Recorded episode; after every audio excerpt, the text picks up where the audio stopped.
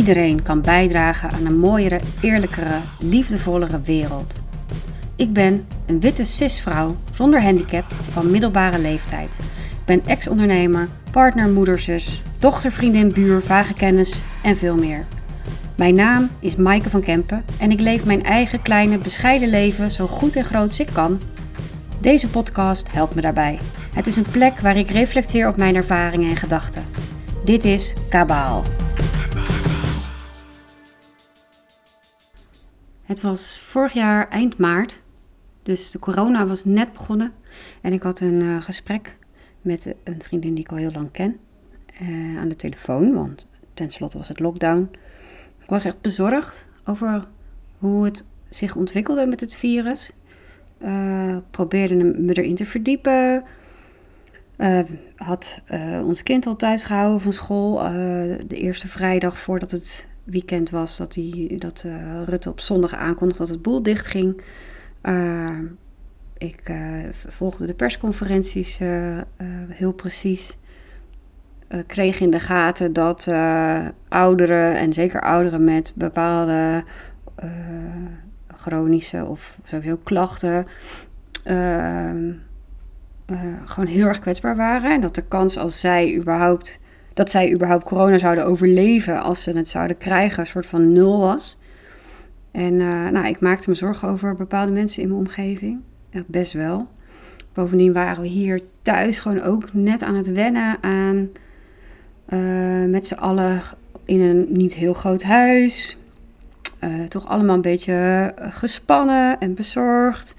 En we waren echt een nieuw ritme aan het vinden. En dat ging gepaard met best wel wat, nou ja, wat, wat stress of wat onzekerheid. Um, nou, daar was ik best wel mee bezig. En ik had mijn vriendin aan de lijn.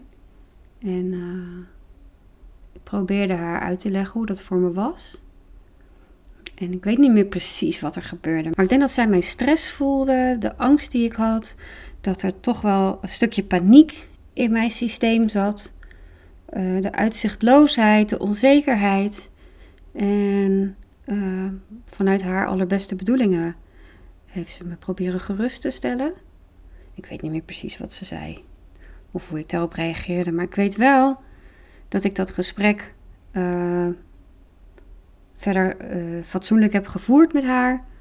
Ik heb dat netjes afgerond. Zo van, nou, etenstijd doei. en ik weet dat ik daarna naar beneden ben gegaan. Um, en dat ik woest was. Dat ik zat te trillen op de stoel. En dat ik echt furieus was. Ik kon er wel in stukken scheuren voor mijn gevoel.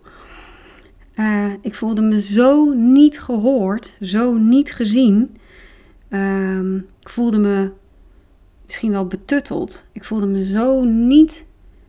Uh, nou ja, ik was er gewoon woest. Hoe kon het zijn dat ik dit verhaal niet mocht vertellen? Dat ik um, daarin uh, kennelijk iets anders had moeten voelen. Uh, nou ja, dat. Ik, ik was echt, uh, echt boos. En uh, wat ik heb gedaan is dat ik heel de avond boos heb doorgebracht. en toen heb ik even een tijdje wat afstand gehouden van haar.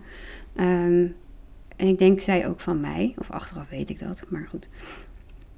Uh, en ik denk dat we elkaar een paar maanden niet of nauwelijks hebben gesproken. Of misschien wat kleine informatieve berichtjes heen en weer.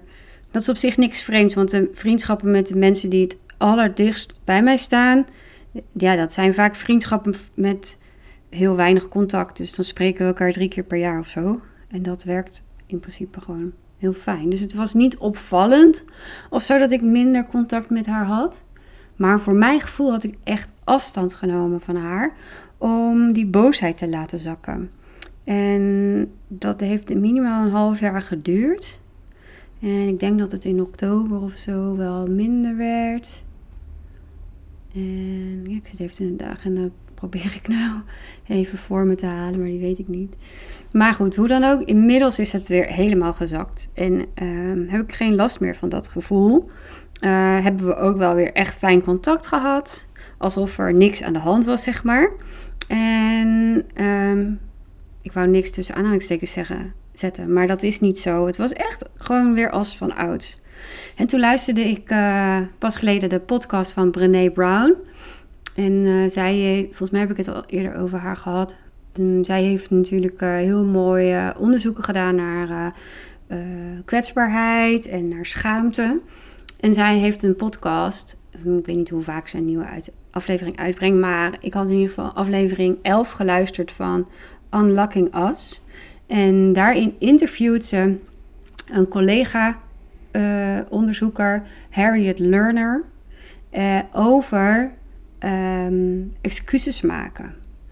En uh, er kwamen allerlei casussen natuurlijk aan bod van hoe pak je dat aan? Of ja, ze doet het ook met een leuke dosis humor, weet je wel. Dus het, was, het was gewoon een heel vermakelijke podcast die bestond uit twee delen. Dus het was al, ik denk 2,5 uur of zo. Nou speel ik de podcast eigenlijk altijd op dubbele snelheid af. Dus het, dat, eh, nou ja, maar goed, hoe dan ook. Daarin uh, kwam, kwam gewoon ook weer naar voren hoe fijn en waardevol het is voor jezelf en voor de ander als het contact zuiver is. En ik moest denken aan dit geval um, met mijn boosheid en de afstand die ik heb genomen. Uh, en ik dacht, ja, dat, dat is eigenlijk wel iets wat ik nog met terugwerkende kracht op wil helderen. Dus ik vond het heel erg spannend. Um, um, maar uiteindelijk heb ik van de week uh, mijn excuses gemaakt voor de afstand die ik nam. En um, nou, dat was dus doodeng. Uh, ik heb, eerst heb ik het in een brief geschreven. Niet eens zoveel woorden hoor, maar gewoon een korte brief. zodat ik voor mezelf helder had wat ik wilde zeggen. Toen dacht ik, nou dan kan ik hem of haar laten lezen en dan uh, merken hoe ze, hoe ze daarop reageert. Of ik kan hem voorlezen. En als ik het echt durf, dan kan ik hem ook wegleggen en haar vertellen wat erin staat. En wat ik uh, voelde en wat ik heb meegemaakt. Nou, um, um, uiteindelijk heb ik dus um, op een rustig moment gezegd: Nou, ik heb nog iets voor je. En dat, dat had ik even een bruggetje gemaakt naar een eerder onderwerp wat, waar we het over hadden. Over hoe fijn het is als dingen duidelijk zijn. Als je nee zegt, als je nee bedoelt, bijvoorbeeld. Ik zeg: Nou ja, als het gaat over duidelijk zijn, dan heb ik daar nog wel iets in te leren.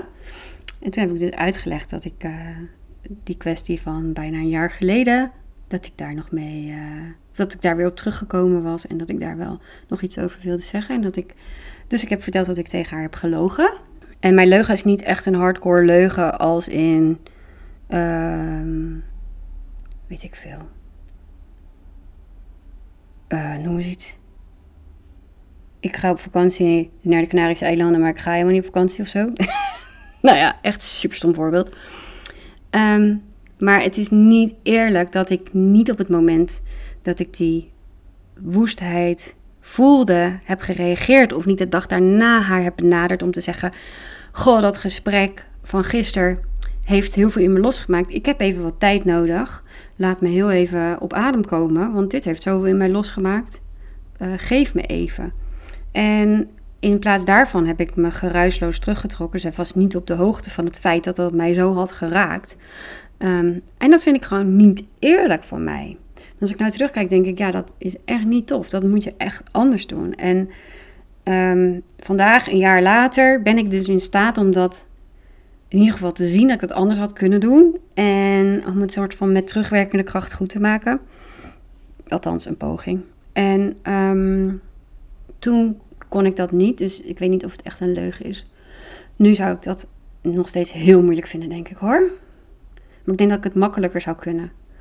Um, nou, en dus we hebben het daarover gehad. Ik heb uitgelegd hoe het aan mijn kant was, wat er gebeurde, dat onze vriendschap uh, ook dit soort dingen zou moeten kunnen verdragen.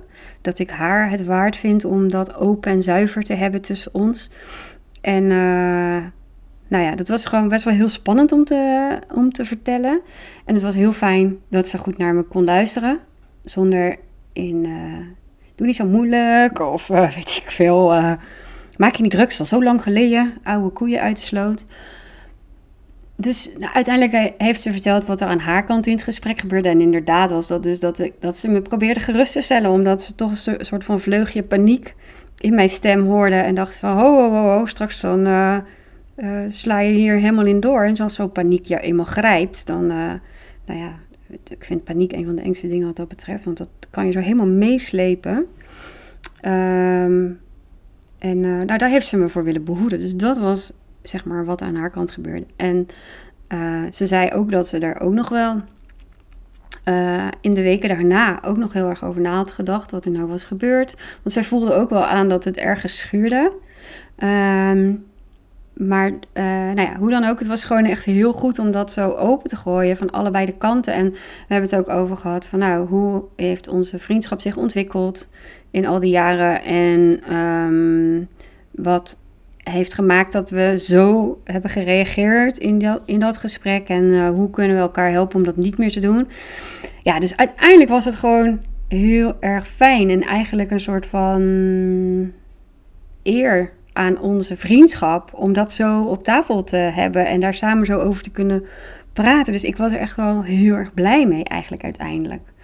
En uh, nou ja, het, het was gewoon wel heel erg spannend.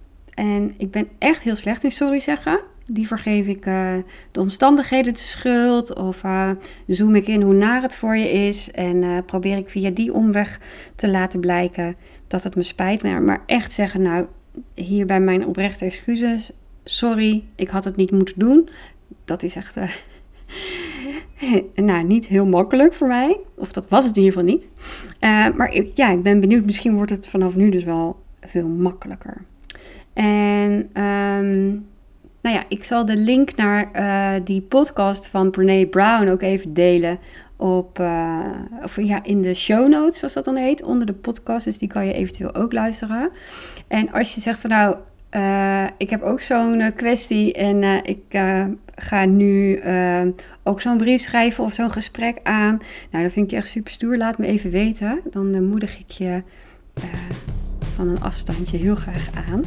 Want het kan enorm opluchten en je dus je vriendschap verrijken. Dus heel veel succes met jouw excuus, wat je eventueel moet maken. En ik spreek je in een volgende aflevering